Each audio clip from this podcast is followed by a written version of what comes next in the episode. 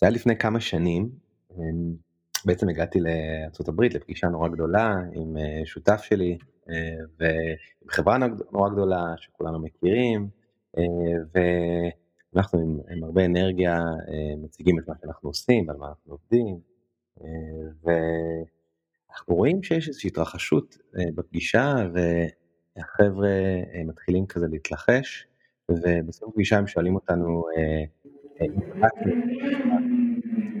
האדם הזה שהם הציגו זה בן אדם שכולנו מכירים בעולם, חברה גדולה, אני לא אגיד את שמו פה, אבל בן אדם שעוברים על המסכים, אנחנו נורא מתרגשים וכזה מרגישים שוואו, הדבר הזה הולך ל... מי יודע לאן זה הולך הפגישה הזו, אם מפגישים אותנו עם הבן אדם הזה. והם שואלים אותנו מתי אנחנו מתכננים, מתי יכולים לפגוש אותו, ואנחנו כמובן אומרים, מתי שאתם רוצים, רק תגידו. לא מספרים להם שמיד אחרי הפגישה הזו אנחנו נוסעים לשדה וחוזרים לארץ. והתרגשות אדירה, אנחנו עולים על מטוס, נוחתים בישראל, וברגע שאנחנו נוחתים בישראל פותחים את הטלפון, והם בעצם אומרים לנו יופי, הוא רוצה לפגוש אתכם עוד יומיים בסן פרנסיסקו. אתה מסתכל על זה אתה פשוט לא מאמין אתה אתה פשוט לא מאמין למראה עיניך אבל אתה מתרגש זה טירוף זה, זה, זה, זו הפגישה שאתה חולם עליה בעצם מהרגע ש, שאתה מתחיל לעשות את מה שאתה עושה ואין לזה יותר מדי צדדים אנשים לא פוגשים אותך סתם סתם המחשבות הן להתאחד ולעשות דברים גדולים. ומגיעים לבן גוריון שותף שלי אדם ואני תוך שנייה קונים כרטיס טיסה מגיעים הביתה מתקלחים עולים על מטוס נוסעים לסן פרנסיסקו. כל הטיסה אנחנו עוננים מדייקים אין שאלה שאפשר לשאול, מדייקים מתי נמצמץ בפגישה כדי שהכל ייראה טוב וטבעי ונצא חזקים וטובים. ונוחתים בסן פרנסיסקו, אני שולח לבחורה שם שבעצם גרמה לדבר הזה לקרות, מייל, אני אומר לה הנה יופי אנחנו נפגשים, אומרת לי כן תגיע בשעה הזו, פגישה חשובה, אנחנו מגיעים, מתקלחים, נראים יפה, הכל מוכן, פיקס, מחנים בחנייה, מלווים אותנו, כמו מלכים. בתוך המשרד, הרבה בדיקות ביטחוניות, מתיישבים, והלב דופק והאנדרנלין בשיאו, וטוב שלוש דקות, ארבע דקות, חמש דקות, עשר דקות אף אחד לא מגיע לפגישה, אנחנו לא כל כך מבינים מה קורה, אנחנו אומרים בסדר בן אדם עסוק מאוד, הכי לגיטימי בעולם שיאחר, אנחנו מאחרים, אז בטוח הוא יכול לאחר, ואחרי חצי שעה פשוט אף אחד לא מגיע. אין בן אדם בחדר.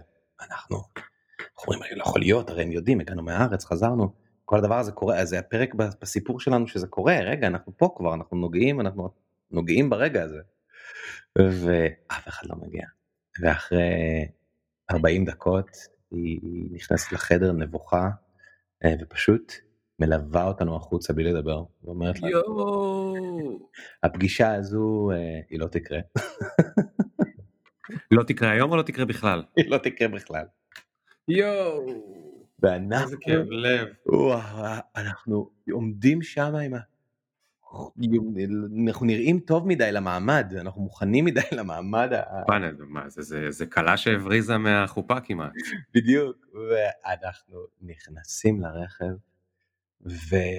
ומותשים וגמורים ופשוט אני חושב שחמש דקות רצוף אנחנו לא מפסיקים לצחוק אנחנו צוחקים וצוחקים וצוחקים פשוט מקראים מצחוק את הרגעים האלה ש, ש, שהכל בפרספקטיבה ואתה מסתכל על זה מהצד ואתה אומר איזה טירוף ש, שאני עובר בתוך הסיפור הזה כן. עולים על כרטיס טיסה על טיסה חזרה לארץ והנה אנחנו כאן.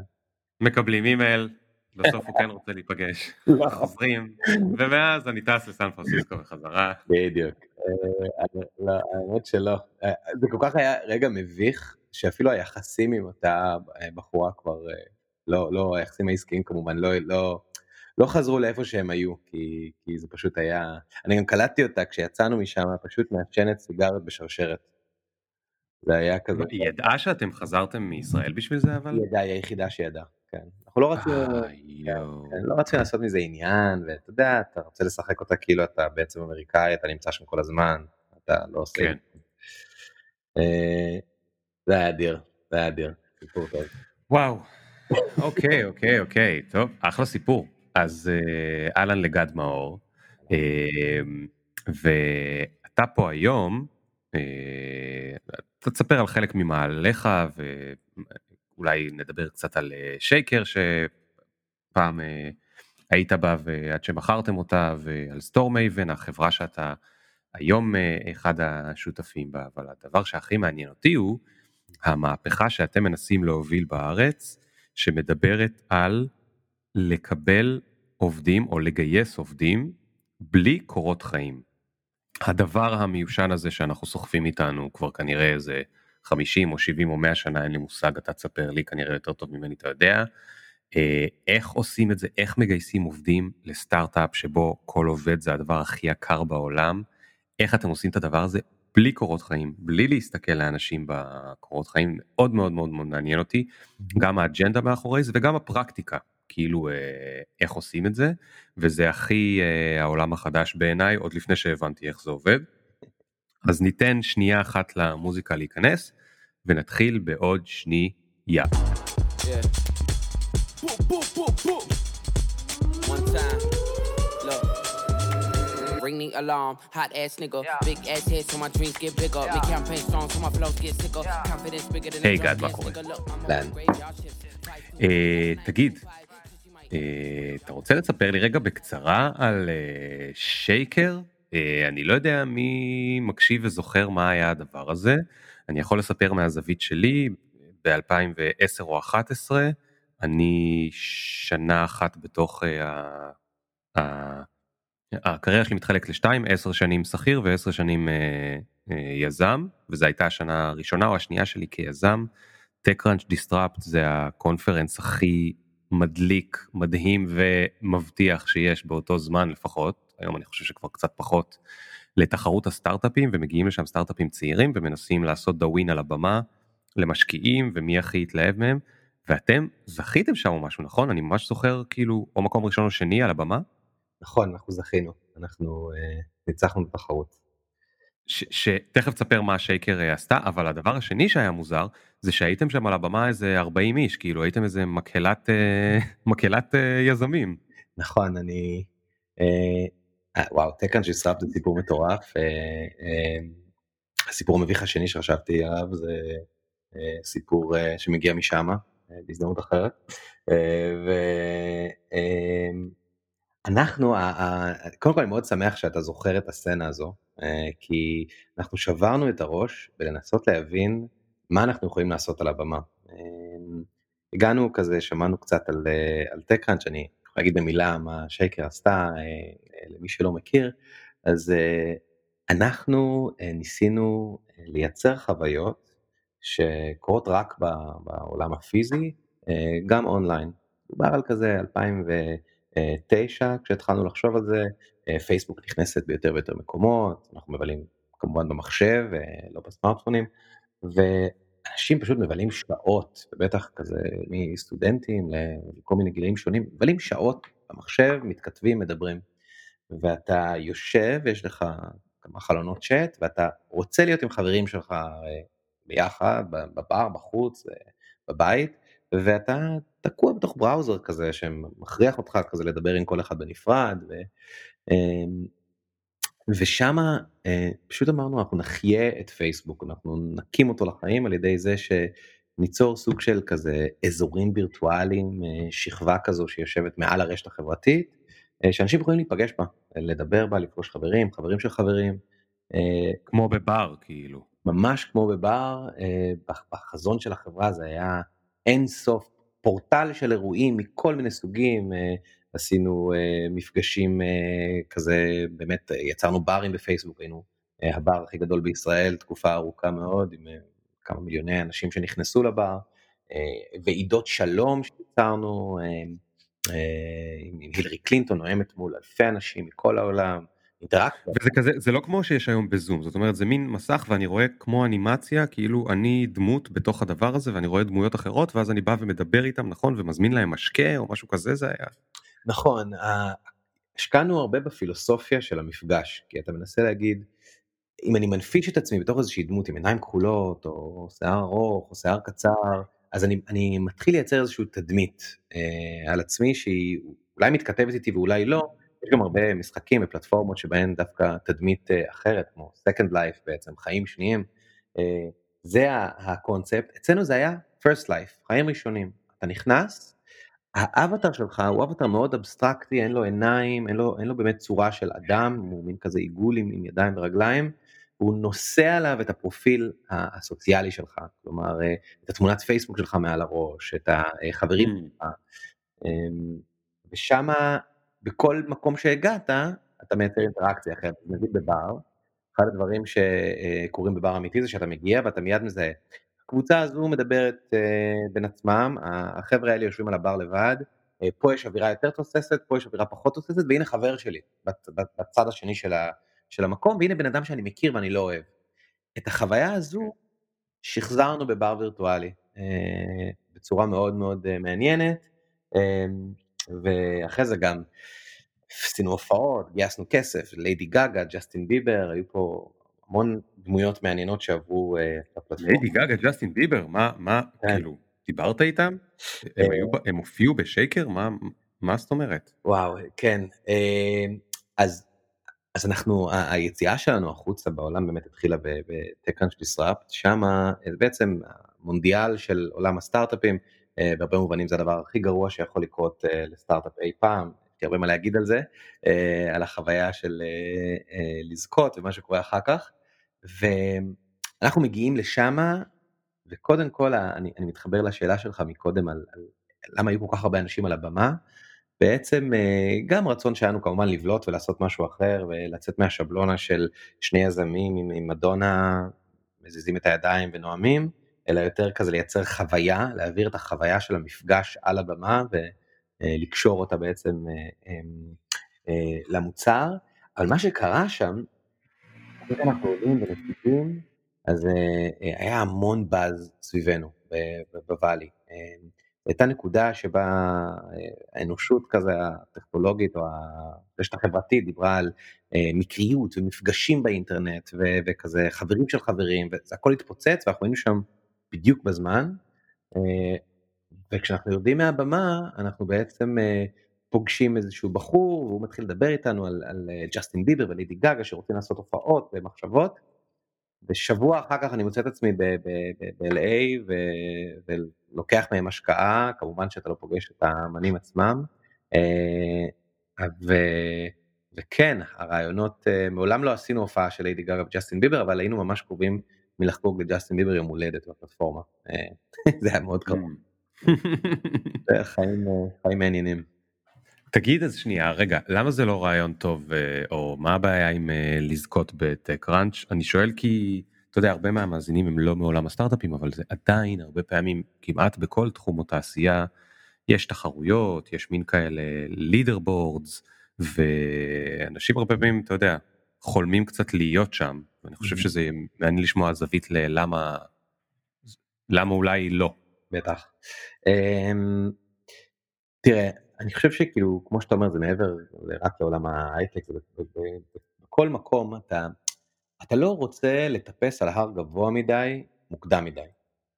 כי כשאתה בתור, אה, יש לך מיזם, חברה, לא משנה, איזושהי פעילות שאתה מנסה לקדם, לא משנה באיזה תחום, ואתה, אה, תפקידך הוא למכור, תפקידך הוא למכור חלום לשותפים שלך, לעובדים שלך, אה, כמובן למשקיעים שלך. אה, אתה מוכר חלום פיננסי, אתה מוכר חלום שהוא לא רק פיננסי, אלא להיות חלק ממשהו גדול ועצום שהולך לשנות את העולם וכו'.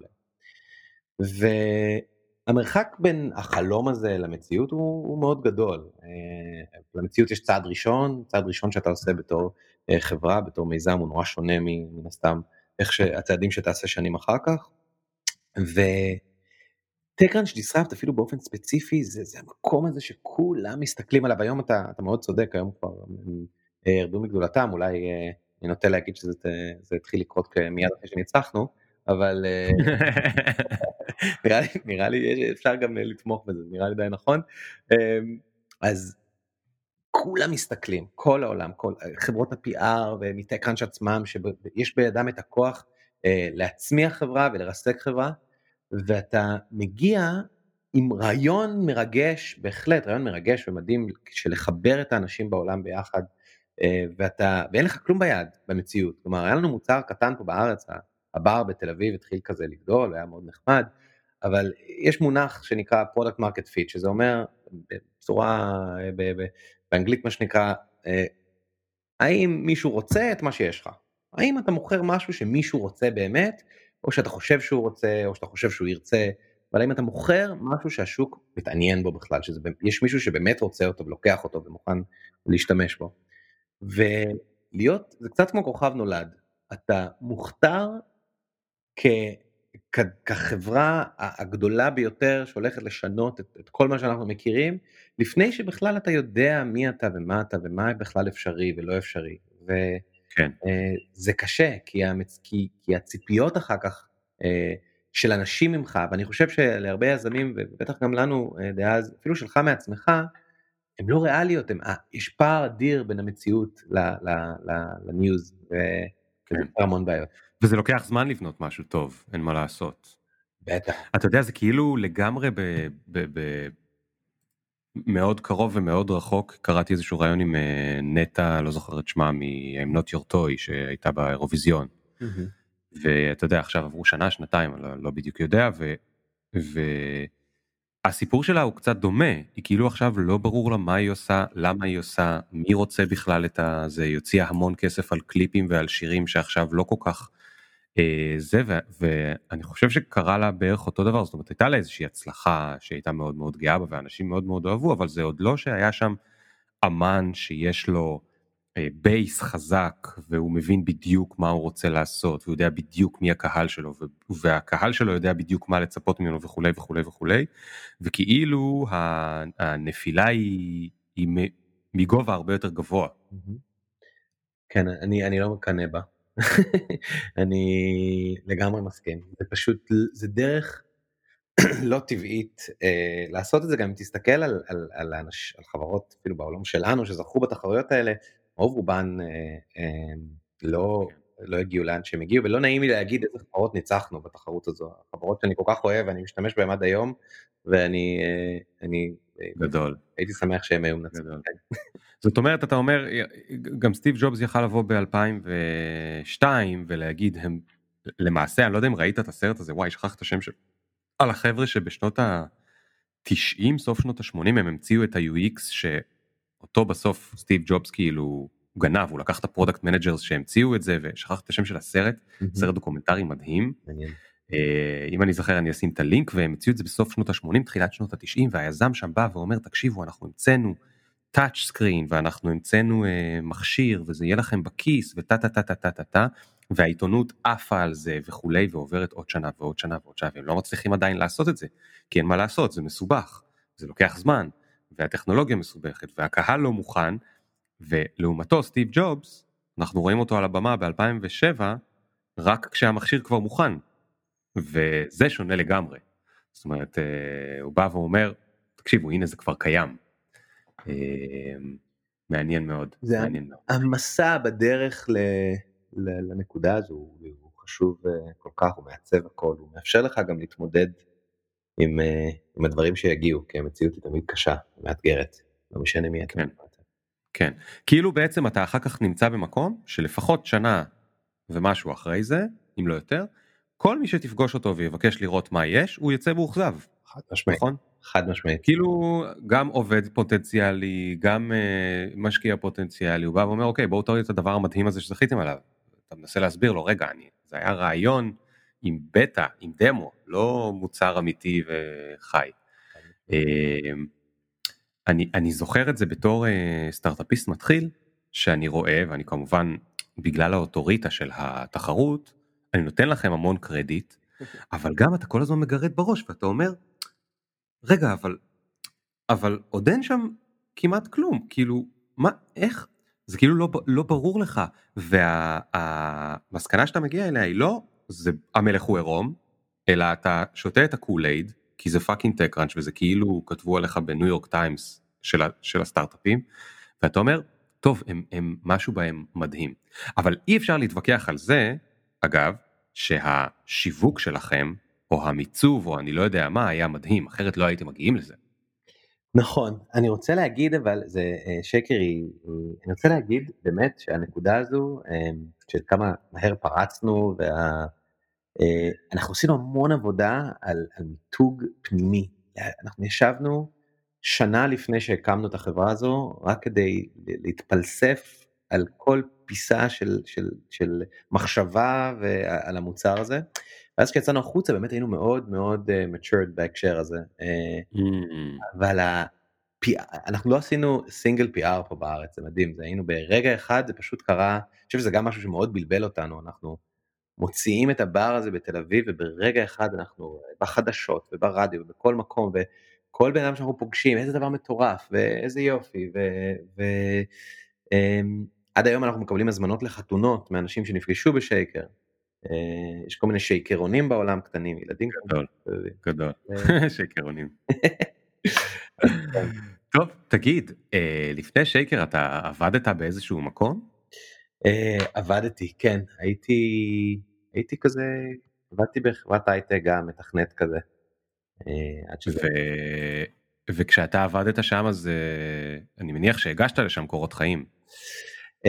זו שאלה מצוינת, אני, אני באמת משתעשע לפעמים במחשבה הזו, והאמת שלא, אני מעולם לא כתבתי קורות חיים ואני לא היו לי קורות חיים אי פעם בחיים. וואו. זה נכון. אז איך, אז איך, אז איך התקבלת? זאת אומרת, איך, איך בכלל נוצר הקשר? אז למעשה כש, כשהייתי, אני ירושלמי וגדלתי בירושלים, ארבעה אחים, אחי הגדול הוא כזה למד בממר"ם, היה כזה איש מחשבים, אני אחות בשלב הזה. והוא עבד באיזושהי חברה ובתור ילד הייתי כזה בן לא יודע 16 אז חופש גדול אמר יאללה בוא תעזור לנו לעשות דברים, לבדוק את התוכנה, לא היה לי מושג מה אני אמור לעשות. אני מגיע והוא מראה לי את ה... הוא מפגיש אותי עם המנכ"ל, שוב פעם זה היה בנייני עזריאלי איך שהם יצאו כזה, זה היה טירוף, חשבתי שאני בעתיד. והמנכ"ל אומר לי, המנכ"ל היה איש סיילס מדהים, הוא מוכר לי את המוצר, הוא אומר לי הנה תראה תראה וזה מה שאנחנו עושים, ואנחנו מפגישים ועושים בשיחות. ואני מסתכל והוא שואל אותי מה אתה חושב, ואני אומר נראה לי סבבה תן לי לשחק עם זה קצת, אני משחק קצת עם המוצר. והוא שואל אותי עוד פעם מה אתה חושב, אז לא נראה לי מוצר טוב, ואז אח שלי שואל אותי גד תגיד את האמת, אז אמרתי לא יודע בגדול המוצר לא עובד, כאילו ניסיתי אותו, הוא נשבר, אני זוכר זה היה במעלית והייתי ביישן כזה ואמרתי לא שום דבר לא עובד. ואז כזה קצת כמו בסרטים אז הוא אומר לי בוא תעבוד פה תבדוק את המוצר. ואז אחרי כמה שנים הייתי בצבא עבדתי שם כמה כזה בתור בתיכון עבדתי שם טיסו אותי לסן פרנסיסקו אפילו לעבוד שם סיפור קצת מעניין אבל לא תכננתי ולא עשיתי שום דבר וכשהגעתי לארץ אחרי הצבא אז הפגישו אותי עוד פעם עם השותפים שמה והם אמרו לי אנחנו זוכרים שאתה טוב בלמצוא באגים ולהבין מה הבעיות במוצר בוא תעבוד פה בתור מה שנקרא QA שאתה בעצם בודק את האיכות של המוצר ורואה מה בעייתי מה לא. אני זוכר שאמרתי להם אני אעשה איתכם עסקה אני אעשה חצי משרה QA אתם תשלמו לי עליה ואת החצי משרה השנייה אנחנו אתם לא תשלמו לי עליה ואני ואני אתכנת אני אלמד לתכנת פה. מאיפה היית כזה פלפלן ותחמן בגיל כזה צעיר? שאלה מצוינת אני אני כן זוכר שמגיל מאוד מאוד צעיר אני מנסה לאגד רעיונות לתוך משהו שיכול לייצר אינטראקציה ועסקאות עם אנשים אני בגיל נורא. בגיל אני חושב שהעסק הראשון שלי לא יודע, עסק מאוד מעניין, היה בגיל איזה 14 שהפכתי, בעצם התחרתי בחנות חיות המקומית בשכונה שלי בירושלים. התחרית על מה? התחרתי על אספקת דגים ואוגרים ועכברים וכל מה שיכול להתרבות בשבי. אני בעצם מאוד אוהב חיות, היו לי כל סוגי החיות האפשריים. אז התחרתי אתה מתכוון פתחת אלטרנטיבה לחנות חיות? התחלתי בשני אוגרים, סיימתי עם 180, 190 אוגרים במקביל, מאות עכברים, אלפי דגים, ובאיזשהו שלב היו לי מחירים יותר תחרותיים מהחנות, עד בעצם התיישבנו ביחד, אני והמוכר שם, ואמרתי לו, אתה יודע, בוא אני פשוט אספק לך את החיות, ואתה תעשה איתם מה שאתה רוצה. גדול.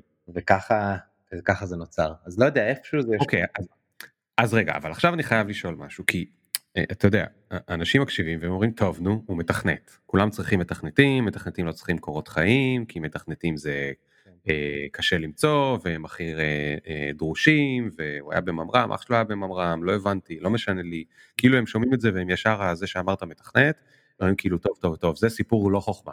נכון. עכשיו בוא, בוא נקפוץ רגע אנחנו נקפוץ אחורה וקדימה כל הזמן ברשותך אז בוא נקפוץ רגע ל-2015 שאתה מקים את סטור מייבן זה החברה שאתה כרגע הבעלים שלה אחרי שייקר. אתה מחליט שאתה, שאתה רוצה מה, לגייס עובדים בלי קורות חיים, אבל גם לא מתכנתים, זאת אומרת את כל הסוגים של העובדים? כן, אז, אז תראה, זה לא, זה לא קורה ממש ככה. אמ, אתה, כשאתה אה, בונה חברה ואתה אה, גם מסתכל על הסיפור האישי שלך, ואתה אומר, אה, אני לא ידעתי לתכנת וגם לא, לא, לא, לא, לא, הייתי בממר"ם, אני הגעתי בלי כלום, עם המון המון רצון ואמביציה, ו...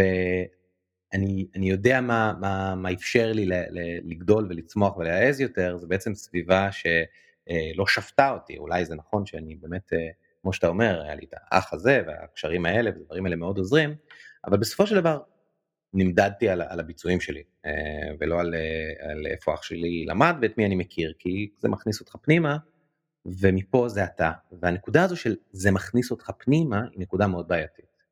כי אמ, שם בצד, זה, זה, אנחנו היום מגייסים בלי קורות חיים לכל משרה, אה, ובכלל מדהים מה שאתה לומד על, אה, זה כמעט לא קשור מה אתה עושה ומאיזה תחום אתה מגיע.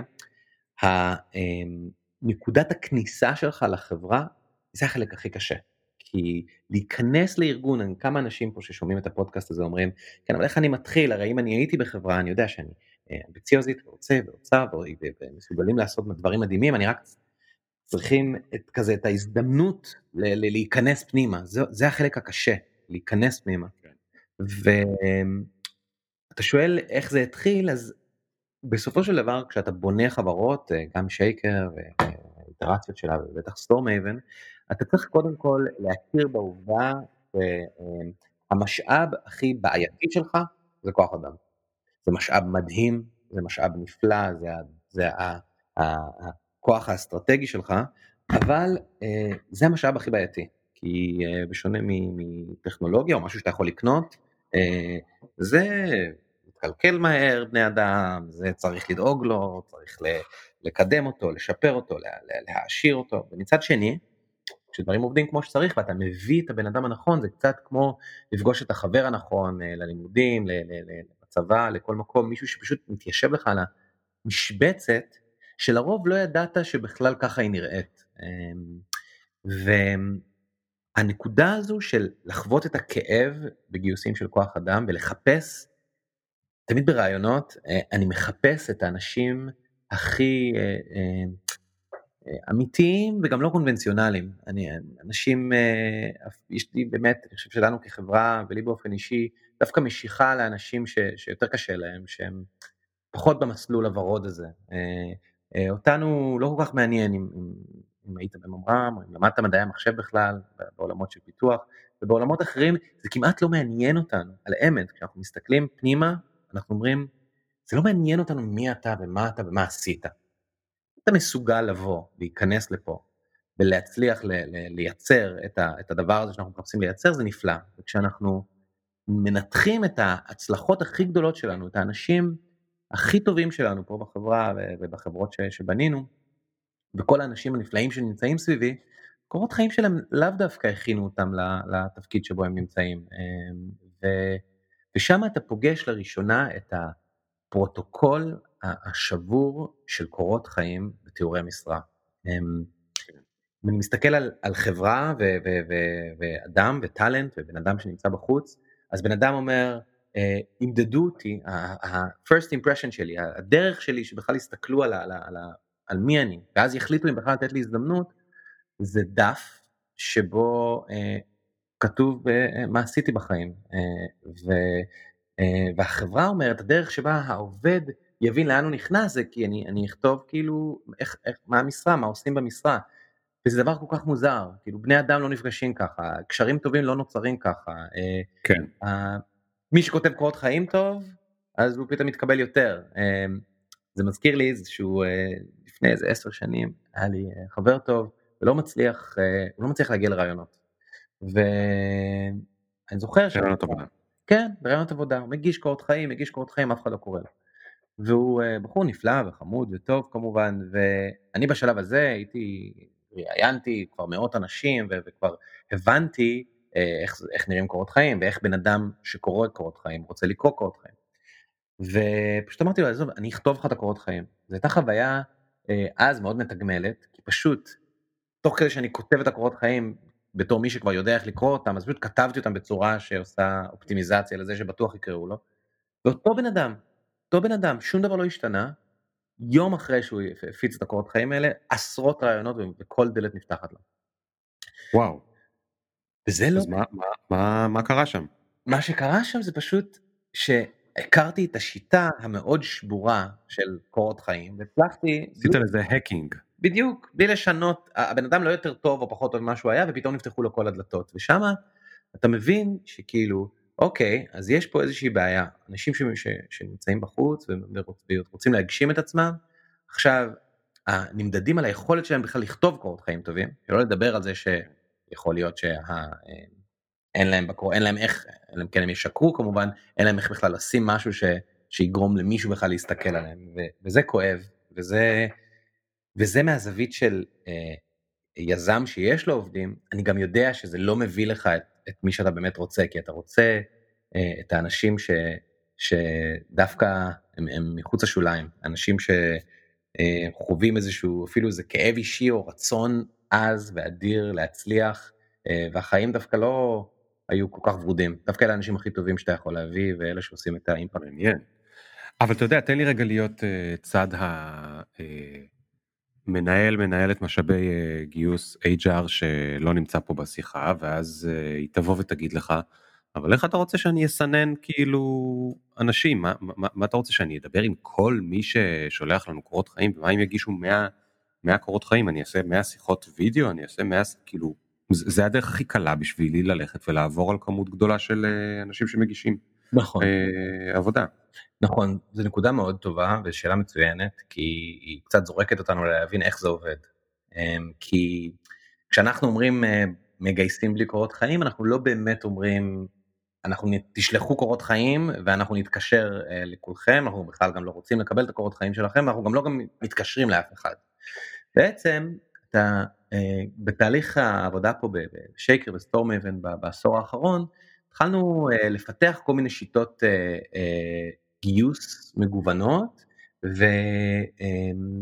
ויותר קונבנציונליות בהתחלה כמובן והתחלנו להבין שיש כאילו באיזה שלב בתהליך אנחנו באמת מבינים האם הבן אדם הזה הוא בשבילנו או לא בשבילנו.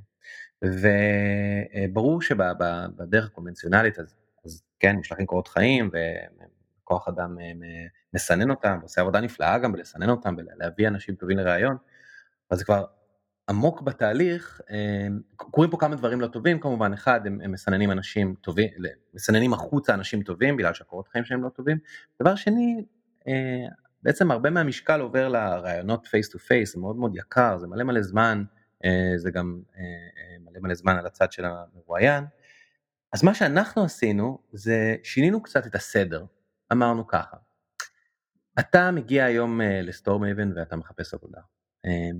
אנחנו קודם כל מראים לך אה, את כל הפוזיציות הפתוחות, שתראה בכלל אם, אם, אם יש משהו שמעניין אותך או משהו שאתה בכלל יכול להתחבר אליו. אמ, ומהנקודה הזו, אתה בכלל לא שולח קורות חיים. אתה אומר, אני רוצה את המשרה הזו, המשרה של מנהל לקוחות, משרה של מנהל שיווק, משרה של מכירות, וכוח אדם, ניהול משרד, לגל, משרת ליגל, כל דבר שאפשר לחשוב עליו. ובנקודה הזו מתחיל דייט.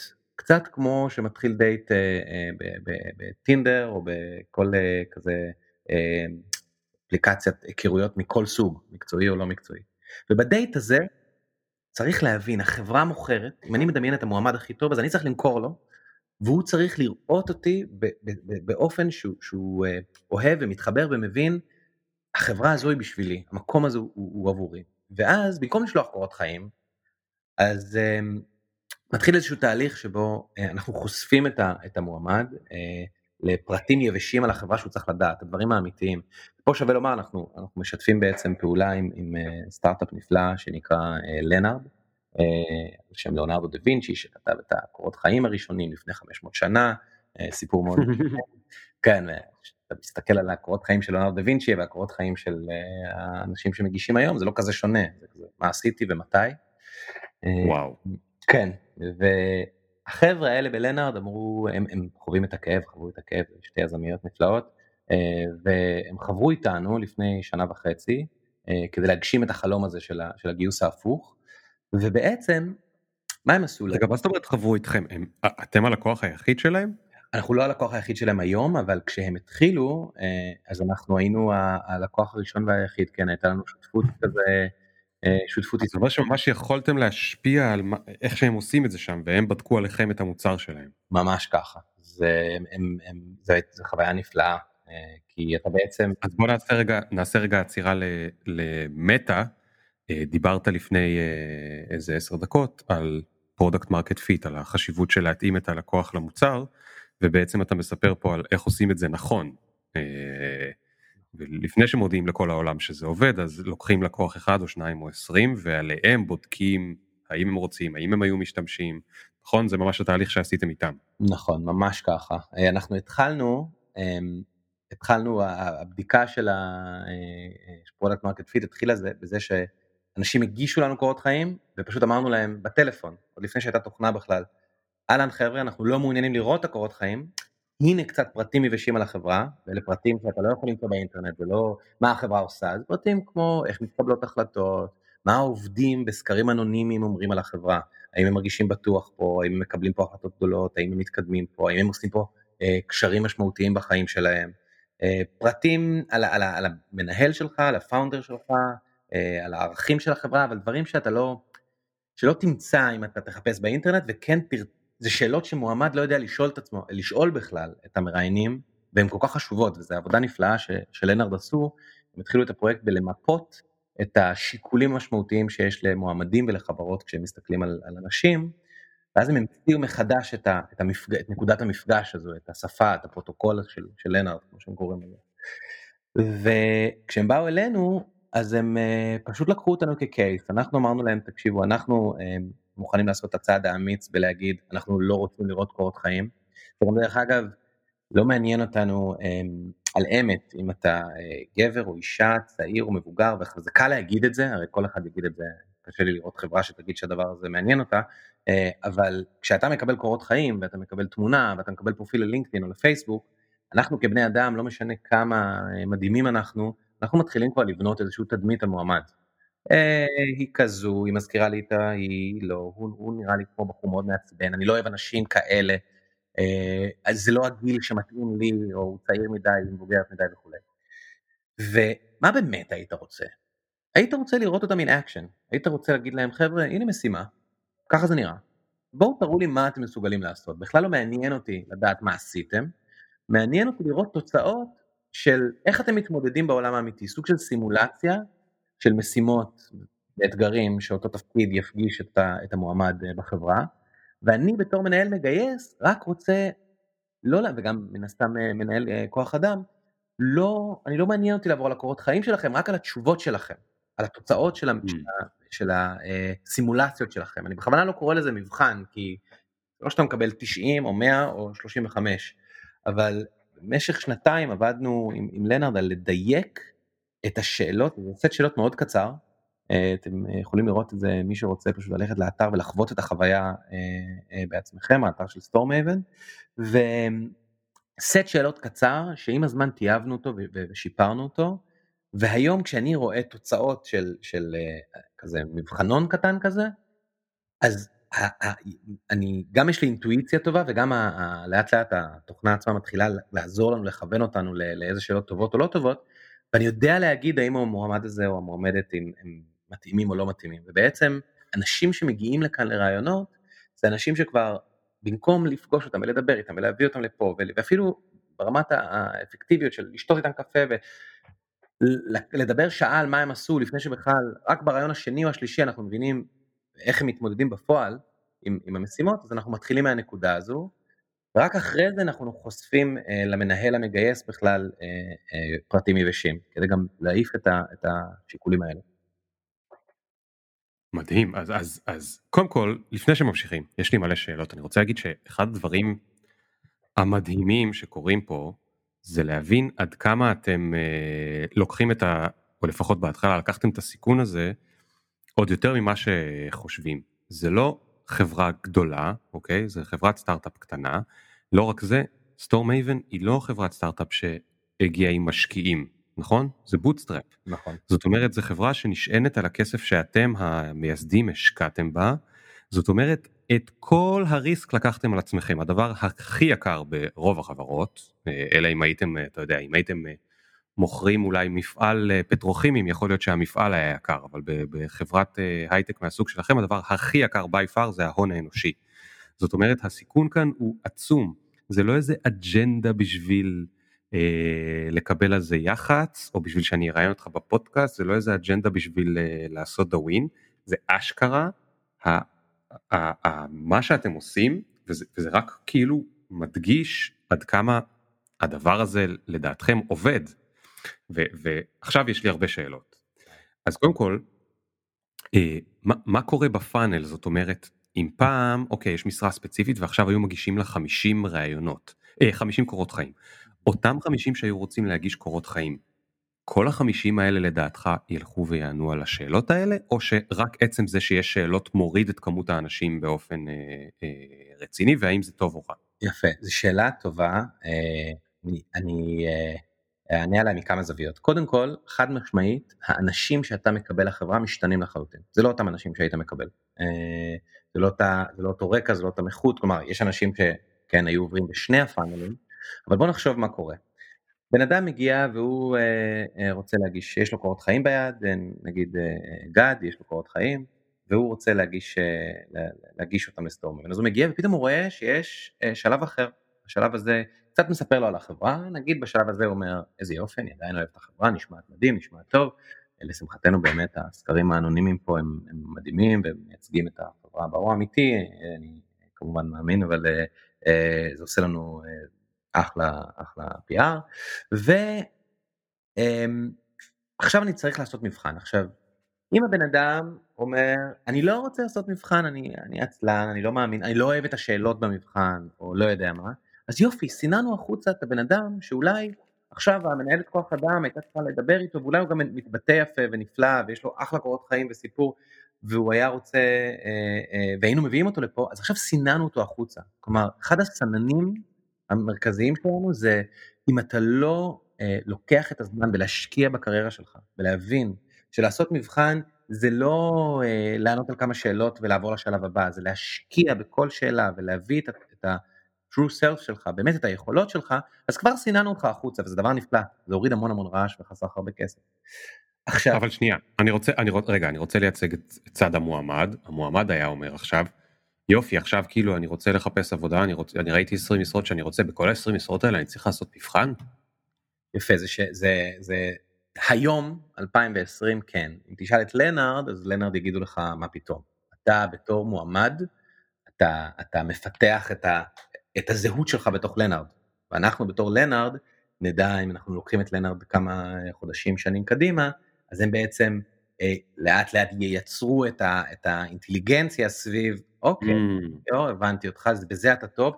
לחברה הזו לא התאמת אולי לחברה אחרת, ו- ו- וקצת כזה לתת את השקיפות. מהזווית שלנו, אה, אנחנו, זה כאילו זו שאלה שהיא מעניינת, היא לא מעניינת אותנו בתור לקוח, אבל לגמרי בתור אנשים שהם מאוד מעורבים בחשיבה על המהפכה, אחד הדברים ש, שיצטרכו לעשות פה אה, זה כזה לפתור את הבעיה הזו של מצד אחד אני לא רוצה לעשות 20 מבחנים, ומצד שני, תחשוב על זה שנייה, שאם אתה הבחירה במקום עבודה היא משמעותית, היא לא רק מפרנסת אותך, היא אחראית על האושר שלך. ולעשות, אם ה-20 מבחנים האלה הם כל כך שונים והם חושפים בשלב כל כך מוקדם בתהליך איזה שאלות החברה שואלת? אני יכול להגיד שיש מועמדים שמגיעים ואומרים, הסיבה היחידה שהגשנו מועמדות פה זה רק בגלל השאלונים האלה, כי פתאום הבנו כמה אינטליגנטית החברה, הבנו איזה שאלות אנחנו הולכים להישאל פה, זה גם, גם זה מכירה, יש משפט שאומר always be selling, אתה תמיד צריך למכור, בכל שיחה, בכל מקום, משהו שאני מאוד מאמץ אותו, לא בזווית סיילזית מטונפת חס וחלילה, אלא אתה צריך כל הזמן לתת את הגרסה הטובה ביותר של עצמך ולהבין שזה הכל ריקוד, אם אתה מחפש את האנשים הנכונים והטובים, אתה צריך לרקוד איתם, אתה צריך למכור להם, אתה צריך כל הזמן ולאורך כל התהליך לכבד את, ה, את ההחלטה שלהם ואת הבחירה שלהם. אתה לא החזק פה ויש חלשים בחוץ, זה עניין של מק שצריך לקרות. ותגיד, דימית את זה קודם ל dating, אז ב dating אנחנו יודעים שהרבה פעמים יש, יש צד אחד לפעמים שהוא קצת יותר חושק וצד אחד שהוא קצת יותר נחשק. אתה לא מפחד שאתה אולי מפספס נקרא לזה אנשים שהם טאלנטים גדולים או חצי טאלנטים גדולים ואז אולי הם כאילו יגידו אין לי כוח ואולי אם היית מוכר להם ופוגש אותם אחד על אחד כן היית מצליח למכור להם ולגלות איתם התלהבות אבל מה אתה חושב על זה? כן זה באמת חשש מרכזי שהיה פה כשיצאנו זה איזה סוגים שאנשים מוכנים לעבור את, את הפאנל הזה ואיזה אנשים כמו שאתה אומר אומרים רגע אני כאילו הקורות חיים האלה עובדים עבורי כי אני כבר שילמתי את המחיר ויש לי קורות חיים אמיתיים שכן מייצגים אותי והם טובים ואני אלך למקום אחר שלא צריך. ופה, כאילו, קודם כל אין לי, אין לי תשובה אה, ודאית כמובן להגיד, אנחנו בתהליך הזה שנה וחצי, אה, אז אני לא יודע להגיד, אני כן יודע להסתכל על הדברים מה, מלפני ואחרי, כלומר איזה אימפקט יש לדבר כזה על החברה שלנו, אם אני מסתכל על ה-15-20 אנשים שהגיעו, אה, אולי אפילו קצת יותר, דרך הפלטפורמה הזו, אל מול אנשים שהגיעו מלפני, אז אלה הדרכים שאני יכול לשפוט, אבל אני כן רוצה לגעת בשאלה שלך ולהגיד שלהפתעתנו קרה משהו מאוד מעניין. מגיעים אנשים שהם יותר אה, מנוסים, בכירים, עם עבר מאוד משמעותי, והם רואים פתאום את הדבר הזה, את השיטת גיוס הזו, אה, וזה מה שהדליק אותם. ואני, ויש פה כמה אנשים שהצטרפו לחברה, שברעיון אני תמיד שואל איך, איך פגשתם אותם ואיך הגעתם, והם אמרו, אה, נכנסנו למשרה, היא נראתה לנו ג'וניור מדי, או לא בדיוק מתאימה לנו, אבל הבנו את החברה, הבנו שאנשים שמגייסים ככה, אנשים שמסתכלים על, על אנשים ככה, אנשים ש... יצרו את הדבר הזה, לא, זה מקום שבו אני רוצה למצוא את עצמי בו. אז להגיד לך שפיצחנו לחלוטין את ה... יש הרבה מחשבות לאיך עושים את זה, איך מושכים את כל סוגי האנשים, כנראה שעדיין לא, אבל במבחן המציאות, הרבה מהאנשים שהתקבלו לפה בתקופה האחרונה אפילו לא הייתה להם משרה פתוחה. כי הם, mm. הם הגישו ואמרו, אני רוצה למצוא את עצמי בתוך הדבר הזה, ואז תפרנו להם את, ה, את המשרה שמתאימה להם, ו... זה מאוד מעניין, אני, אני, אני יודע שלנארד עושים המון המון שיחות עם מועמדים שעברו ולא עברו, ואנשים שקיבלו ריג'קטים, אנשים שעושים מבחן, ואז אומרים להם לא. זה גם חוויה שצריך לפתור אותה וצריך להתייחס אליה, אנשים השקיעו כבר את הזמן. אמ, עוד נקודה מעניינת בהקשר של הפאנל והקורות חיים, זה, יש הרבה נטייה להגיד, אה, לשאול באמת את השאלה ששאלת, מי מוכן לעבור את הפאנל הזה? אבל מה אם לשאול את השאלה ההפוכה, שאומרת, מי לא מוכן לעבור את הפאנל של קורות חיים? בוא נחשוב. אתה עובד בחברה, לא כל כך טוב לך בחברה הזו, אתה בן אדם מוכשר ו- ו- ואמביציוזי ולא כל כך טוב לך, לא מסתדר עם המנהל, לא הכי כיף לך, אלוהים יודע מה. אתה מאוד אה, אה, להתראיין במקום אחר, קודם כל זה דורש ממך לטייב את הקורות חיים שלך, לשפר אותם, יש בזה איזושהי אפילו החלטה אישית גדולה בלעשות את הצעד הזה, לעשות את הצעד הראשון במשהו שהוא כל כך משפיע על החיים שלך. ופה נוצר הרבה חיכוך, כי אה, כמה פעמים שמעתי מישהו שאני אומר לו בוא, בוא תבוא, תבוא לראיון אצלנו ולא אני צריך לשפר את הקורות חיים או אני צריך לעדכן אותם ולפעמים זה אפילו תירוץ ל... לא נעים לי לצאת מהבית באמצע יום עבודה להתראיין, אני לא רוצה לשקר לבוס שלי, דווקא האנשים הכי טובים, אה, שלא טוב להם, אני לא אומר לקחת אנשים שטוב להם, וזה לא הסגמנט שאני מדבר עליו, דווקא אנשים טובים שפשוט לא טוב להם, היכולת שלהם להתראיין אה, מהמיטה ובצעד שהוא לא מחייב אה, ומאפשר להם כזה לחוות את החברה ובלי שהם בכלל צריכים לשקר למישהו או לטייב קורות חיים, שם זה הזהב, שם אתה מגיע לאנשים שאחרת פשוט לא היית מגיע אליהם, אה, וזה מאוד מאוד מעניין. מגניב. אוקיי, אז, אז אני מוכן לזה. תחשוף רגע את הווילון, תן לי דוגמה לאיך איך נראה המבחן הזה. יש דוגמה לשאלה, משהו שאני אוכל לדמיין? בטח, בטח. אה, בואו ניקח אה, מישהו שתפקידו לנהל לקוחות, לדוגמה. ובעצם מה דורש התפקיד הזה?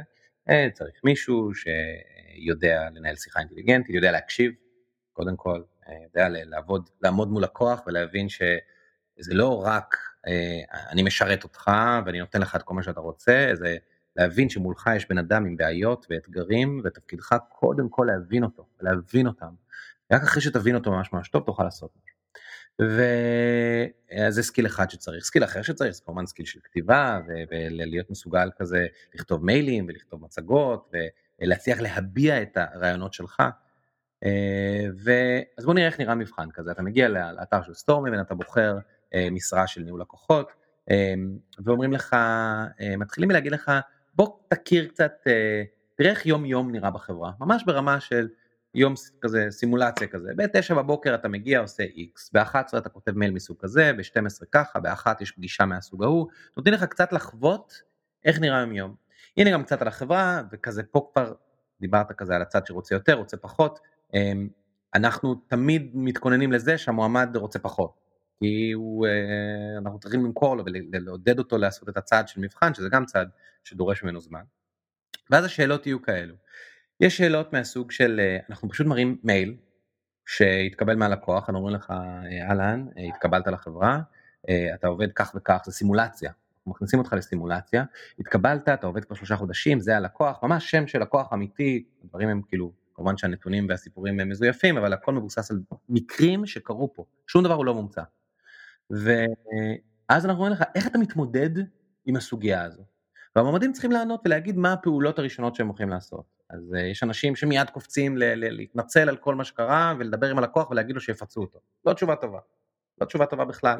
אתה צריך לחשוב אינטליגנטית מי האנשים בחדר, למי אתה פונה, ופתאום אתה רואה בש... בתשובה כזו את סדר, את איך הראש של המועמד חושב.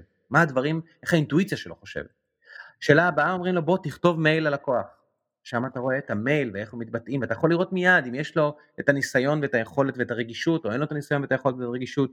וחשוב לי לומר, לגייס בלי קורות חיים זה לא אומר לגייס בלי ניסיון או, או skill set, זה לא מה שאנחנו אומרים. כן. אומרים? כן. פשוט התרגום צריך להיות אה, למשהו בפועל. זה דוגמה אחת. דוגמה שנייה, כאילו לא, לאותו מבחן, אנחנו נותנים לך לינק לסרטון של שיחה אמיתית שקרתה בין אה, לקוח, של, בין לקוח שלנו אלינו. ואנחנו מבקשים ממך לחוות דעה על השיחה. להגיד מה אתה חושב שאנחנו עשינו פה טוב, מה אתה חושב שעשינו פה לא טוב, איך אתה קורא את הסיטואציה. אין פה נכון לא נכון אבל זה שוב זה שם את הבן אדם בעמדה שזה לא קשור למה הוא עשה בחיים ובאיזה מחלקה הוא היה ו- וכולי, זה איך הוא יודע לקרוא סיטואציה עסקית, איך הוא מבין את הלקוח. אה, ודרך הסימולציות האלה אנחנו ממש מצליחים להבין רגע אם, ב, אם תהיה בנקודה הזו ואם תהיה ב, ב, ב, תקבל הזדמנות כזו פה, האם אתה תדע להתמודד עם זה ואם לא אז איפה הפערים שלך. כן. וואי זה מטורף כאילו אי אפשר to bullshit you. נכון. אי אפשר להתקיל. you, god. כן, כן, אה, אני עושה את המקסימום אבל כן. זה נכון אי אפשר. ותגיד אתה אתה אוקיי אתה עכשיו לא יודע מה אתה מגייס אה, מישהו שצריך להיות כאילו אוקיי סליחה עשיתי את המבחן עניתי על השאלות ראית קודם כל שאני עונה לעניין אמרת וואלה תשובות מעניינות עדיין אבל מעניין אותך מה הניסיון שלי נכון זאת אומרת, למרות שהפכת אולי את הסדר שבו הדברים קורים, אתה לא קודם מסתכל על ניסיון ואז בוחן אותי, אלא אתה קודם מראיין אותי בדרך הליאונרד הזה, mm-hmm. ואז אתה בכל זאת בטח תרצה לדעת מה הניסיון הספציפי שלי, נכון? נכון, אז, אז uh, מה שקורה זה שאני בעצם בתור uh, מראיין, או בתור מנהל מגייס, אני עובר על המבחן ואני רואה ואני אומר, אוקיי, uh, אני בכל שאלה אני, אני כזה אומר go no go. יש שאלות שאתה קורא והן כבר שאלות שאתה יודע שמי שלא עושה אותן טוב או אם יש איזושהי נפילה מסוימת אתה פשוט עושה no go ואז הפלטפורמה מוציאה את ה... מנקה את המועמד וכמובן מודיעה לו וכולי. ואז כשאתה מגיע לסוף השאלון אז אה, קודם כל אנחנו זה לא פוליסי ברמת החברה אנחנו משאירים לכל צוות מנהל להחליט איזה שאלות הוא שואל כמובן אבל אנחנו שואלים את המועמד איזה אה, ניסיון שנראה לו, שמהקריירה שלו, או אפילו מהחיים שלו, נראה לו רלוונטי למשרה הזו. זו שאלה קצת שונה, היא כן חושפת את הניסיון, אנחנו לא שואלים, ספר לנו אה, בדיוק באיזה שנים עבדת ואיפה, כי זה פשוט לא מעניין, אפשר לראות את זה בלינקדאין ובכל מקום אחר אם זה היה מעניין אותנו, אלא יותר אנחנו מבקשים מהמועמד להגיד איזה נקודות בקריירה שלו, איזה משרות ותפקידים שהוא עשה, הכינו אותו בצורה כזו או אחרת לתפקיד הזה, ודרך השאלות האלה, והשאלה הזו ספציפית, אנחנו mm. מקבלים חשיפה לניסיון, כפי שהמועמד רואה את זה, ולא כפי שהחברה או הקורות חיים שלו רואים את זה. כן, הבנתי. אוקיי, תגיד, מה... מה, כמה אנשים גייסנו ככה עד היום? אנחנו גייסנו, אנחנו הכפלנו את גודל החברה, הגענו מאזור ה-22 אנשים ל-50 איש, אז 20 ומשהו איש, לאורך כל התהליך של המוצר, מתחילת התהליך שבו עשינו דברים ידנית, עד השלב של היום שהכל אוטומטי, אז בעצם חצי חברה כבר אה, גויסה דרך המפעל הזה. ותגיד, יש איזשהו אה, מנהל, בלי להכפיש, בלי להגיד שמות, בלי אפילו לרמוז, אבל יש איזה מישהו אצלכם, איזה VP, איזה מישהו דירקטור, מישהו בכיר שכאילו מתבאס שככה אתם עובדים? אמ, תראה, כאילו אני אגיד לך, אני אגיד לך מה העניין, אני כליאור, וואו, אני מת על זה, אני מבין את זה, אני, אני מתרגש מזה בטירוף. העניין הוא שפרדיגמות זה דבר כל כך חזק אצלנו בראש.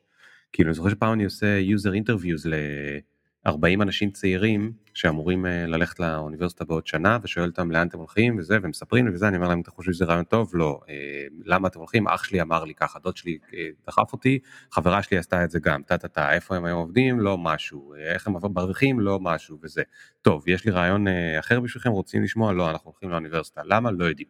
כאילו פרדיגמות. זה דבר, ואם זה פרדיגמה מתקופת ליאונרדו דה וינצ'י, זה דבר שהוא כל כך תקוע אצל אנשים בראש, שלא משנה מה מספרים להם, אפילו ראיון עם גד מאור, מאור וה, והחברה האדירה שלו, לא מצליחים ל, ל, לשנות להם את ה...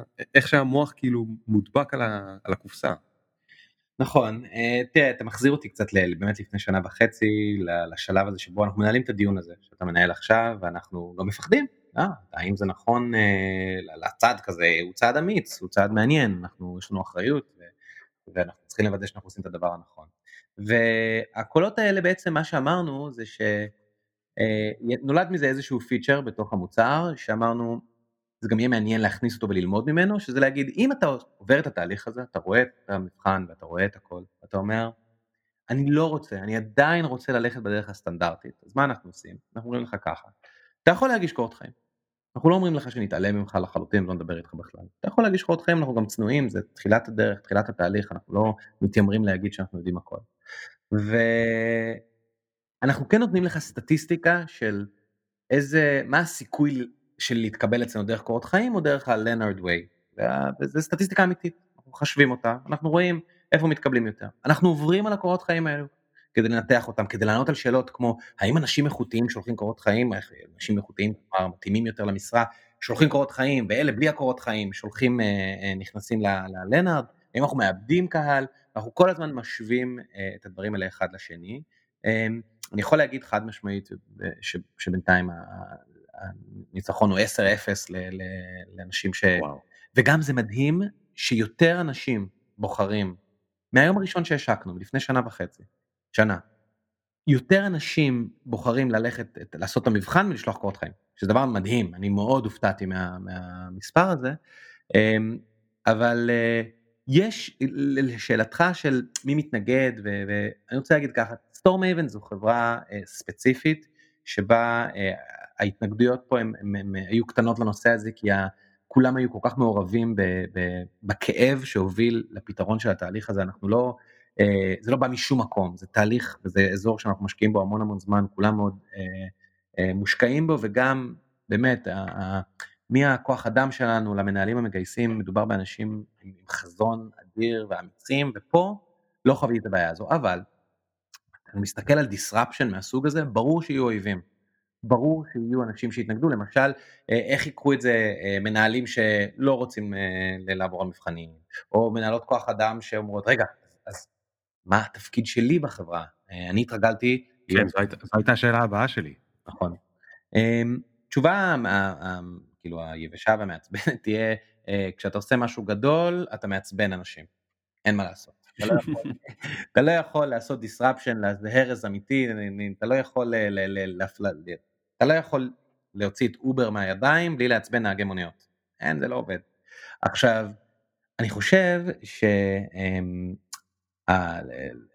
כשאני רואה את זה מבפנים ואני רואה איזה יופי מנהלות כוח אדם ומנהלים מגייסים עובדים עם המוצר, אז אני יודע איך זה נראה כשזה עובד. אני רואה את התפקיד של הכוח אדם, שהוא בכלל לא אה, אה, מצטמצם לאפס, להפך, לדעתי זה נותן להם הרבה יותר כוח, כי הם בעצם תפקידם עכשיו לפצח את השאלות האישיות שאפשר לשאול בשלב הזה של, של, של המבחן, של האססמנט, ולהצליח, אה, אה, במקום באמת לעשות טלפונים ולעבור על קורות חיים, הם, הם מושקעים יותר בחשיבה סביב האם התשובה הזאת טובה, אם הבן אדם הזה מתאים, גם הם, הם אחראים על כל התהליך, כלומר, הדברים הם לא ורודים, אנחנו עשינו מבחנים בהתחלה וקיבלנו אנשים לא טובים, אז, אז איך מדייקים את השאלות ומשנים את השאלות, זה מוצר לכל דבר, זה לא משהו שאתה עושה פעם אחת, אה, זה פלטפורמה אמיתית שהיא הולכת ומשתפרת, אז שמה כן, אני צופה ש, שלא, דברים לא ילכו חלק, ובטוח יהיו ארגונים שבהם יגידו, אמ,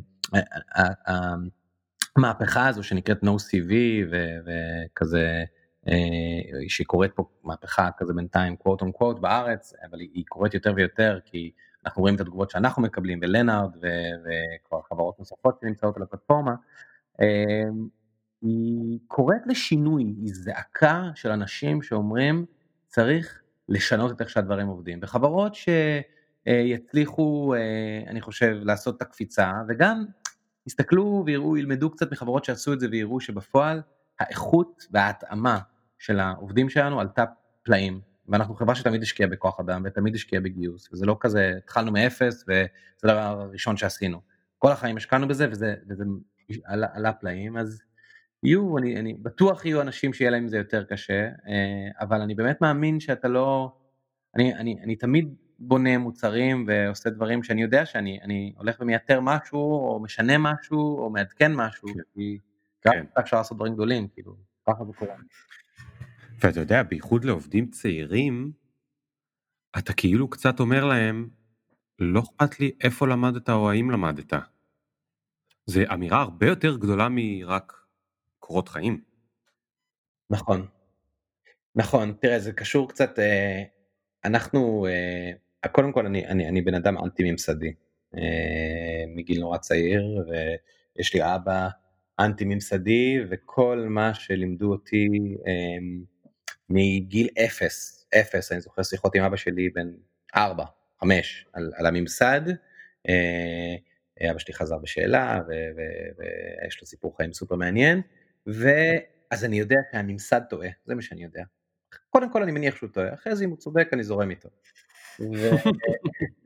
ובאמת, אני, אני גדלתי במשפחה שבה לימדו אותי לא לקבל שום דבר, פשוט לא לקבל שום דבר שאף אחד, אה, אה, שאף אחד אומר לי, אני זוכר את אחד המשפטים, כשהייתי קטן, אה, אבא שלי בן אדם שיכול מאוד להתריס, אבל הוא בן אדם מדהים ובאמת מושלם, והוא אמר לי, אתה יודע, אתה ילד ואתה לומד בבית ספר, לכבד אה, אנשים, מבוגרים, הדרת פני זקן וכולי, והוא תמיד אמר, כשהיינו קטנים הוא אומר לי, אה, בסדר, מה זה הדרת פני זקן, ואם הזקן הזה הוא איש רע?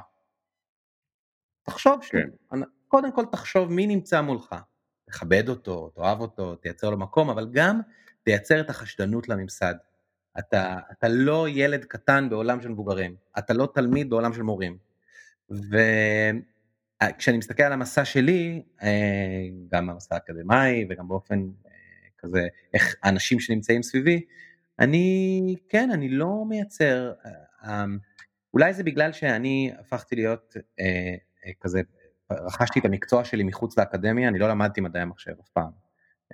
ולא למדתי את זה גם בצבא, פשוט למדתי את זה בידיים, ובזכות היוזמה שלי של להגיד להם אני עובד חצי משרה ומתכנת חצי משרה, וכמובן אז, אז זה קרה, אז כאילו אני מאמין שכן, אתה יכול לעשות את זה, גם אם אתה לא מקבל את, אה, את האסמכתה האקדמית, אני, אני חושב שללמוד זה דבר נפלא ומדהים וחשוב וכיפי, ואני ממליץ לכל מי שמתייעץ אה, איתי, ואני חושב שזה הדבר הנכון בו ללכת וללמוד מה שהוא רוצה, דרך אגב, מה שהוא עושה לו טוב, אה, וגם יש כל מיני, לא כולם הם, הם כזה, היה להם אולי גם לי הרבה מזל כנראה, אנשים שהכרתי ואנשים שפגשתי, ו, אנשים שאח שלי פגש, אני לא, לא מסתיר את זה שגם מזל משחק פה תפקיד, אה, אבל... אה, אמ, לא, אבל תשמע, זה, אתה יכול להגיד את זה, אבל מה שקורה זה שעכשיו אתה כן בעל כוח, כי אתה בעל חברה שמגייס ומשלם לאנשים משכורות ומפרנס אותם, והבחירה שלך ללכת ולהמשיך את זה, ואולי אפילו להקצין את זה, זאת אומרת, בקורות חיים של ליאונרד לא צריך לכתוב האם אני מכיר את גד מאור ויש לי אליו קשרים והוא בן דוד שלי, אלא זה לא השאלות שאתה עונה עליהן, אז דווקא אה, זה לא משנה מה היה לך, זה, זה משנה שאתה עכשיו לוקח את זה למקום שהוא עוד יותר מוקצן ועוד יותר אה, טהור במובן הזה, ואני חושב שזה דבר מדהים לעשות, אני חושב זאת אומרת ש, ש, שבן אדם כל כך עסוק אה, מנהל חברה וגם דוחף את האג'נדה שלו גם על החברה עצמו וגם מחוץ לחברה ו- ואני אומר לך וזה כיף לי כי אני מראיין אותך פה שעה לא הסברנו ואנחנו נשים לינק כדי שאנשים יסתכלו, לא הסברנו מה החברה שלך עושה, לא דיברנו על זה שנייה, לא ניסית לדחוף את זה לרגע, וזה מדהים בעיניי, זאת אומרת זה, זה באמת אה, נותן לי תחושה שזה מאמץ כנה וחשוב. לחלוטין, אה, אני מסכים, אני חושב ש... אני חושב שליצור שוויון הזדמנויות אמיתי אה, דורש ממך להתנתק כל מה שאתה מכיר וכל מה שלימדו אותך. ואני ראיתי את זה קורה סביבי ובכל כך הרבה מקומות, ש, שאנשים מקבלים את ההזדמנות השווה, אז הם מצליחים. אז אה, כשאתה אומר את זה ככה, כן, אני חושב שזה באמת, גם המיזם הזה הוא אה, מנסה לקחת את הדבר הזה לאקסטרים ולהשתמש בכוח שיש לנו אה, כדי לנסות להכתיב את הנורמה החדשה, והנה גרמת לי להרגיש אפילו יותר טוב. לפעמים אני עושה את זה גם. אוקיי אז אז אה, אז גד תשמע אנחנו אנחנו מגיעים לסיום אנחנו חייבים לסיים למרות שיש לי עוד הרבה שאלות אבל אה, אני לדעתי אכנס לאתר וגם אנסה להגיש אה, קורות חיים. אל, אל תקבלו אותי אני כיף לי בג'ולט אל תקבלו אותי אבל זה פשוט מעניין אותי מאוד וזה גם באמת אני מאוד מאמין בעניין הזה. פחות חשוב איפה למדת פחות חשוב מה למדת פחות חשוב גזע, דת, מין וכו' וכו', אה, מקסים. אז תשמע, אני רק רוצה לשאול אותך שאלה אחרונה. בטח. אה, ועכשיו במובן הקצת יותר אה, לדבר על עצמך ולא על אה, החברה או על האג'נדה. Mm-hmm. השאלה המשותפת של הפודקאסט, אתה, אתה, אתה טס במטוס והקברניט אומר שהוא, אתם הולכים להיכנס לתוך איזשהו סלע וכולכם הולכים למות. אל תתבאס זה רק סימולציה כן זה לא אמיתי. אה, ואז עוברת לך מחשבה יואו איזה באסה שלא הספקתי מה בדיוק. אמ, אני אני אענה על זה בצורה כנה. אני לא מתחרט אני בן שלא מתחרט. אני חשבתי על השאלה הזו. אה, והשקעתי המון מחשבה במה אני עונה עליה. והבנתי ש...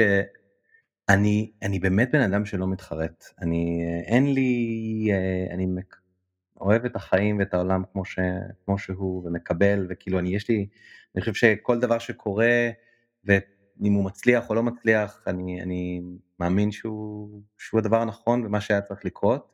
ואתה יודע אני הבן אדם הזה ששלוש אה, לפנות בוקר כל החברים כולם עייפים כל הדעת הגמור ויש עוד איזה לא יודע, רוצים אפילו לצמצם את זה, לאכול את השווארמה הזו בשלוש בבוקר שכולם יתחרטו עליה מחר בבוקר. ואני הבן אדם שתמיד חוויות ומקסימום ומה שאפשר לעשות, ושאלתי את השותף שלי מה היית עונה על השאלה הזו, אז הוא אמר לי, תגיד ש, שאתה הבן אדם הזה שלא מתחרט על השווארמה ביום שאחרי, כי אתה לא מתחרט. וזה מה שתענה לו, זה מה שתגיד לו, תגיד לו אתה אוכל את השווארמה, ושכולנו קמים בבוקר ואומרים למה אכלנו את זה, אתה מחייך ואומר, איזה כיף שאכלנו את השווארמה הזו.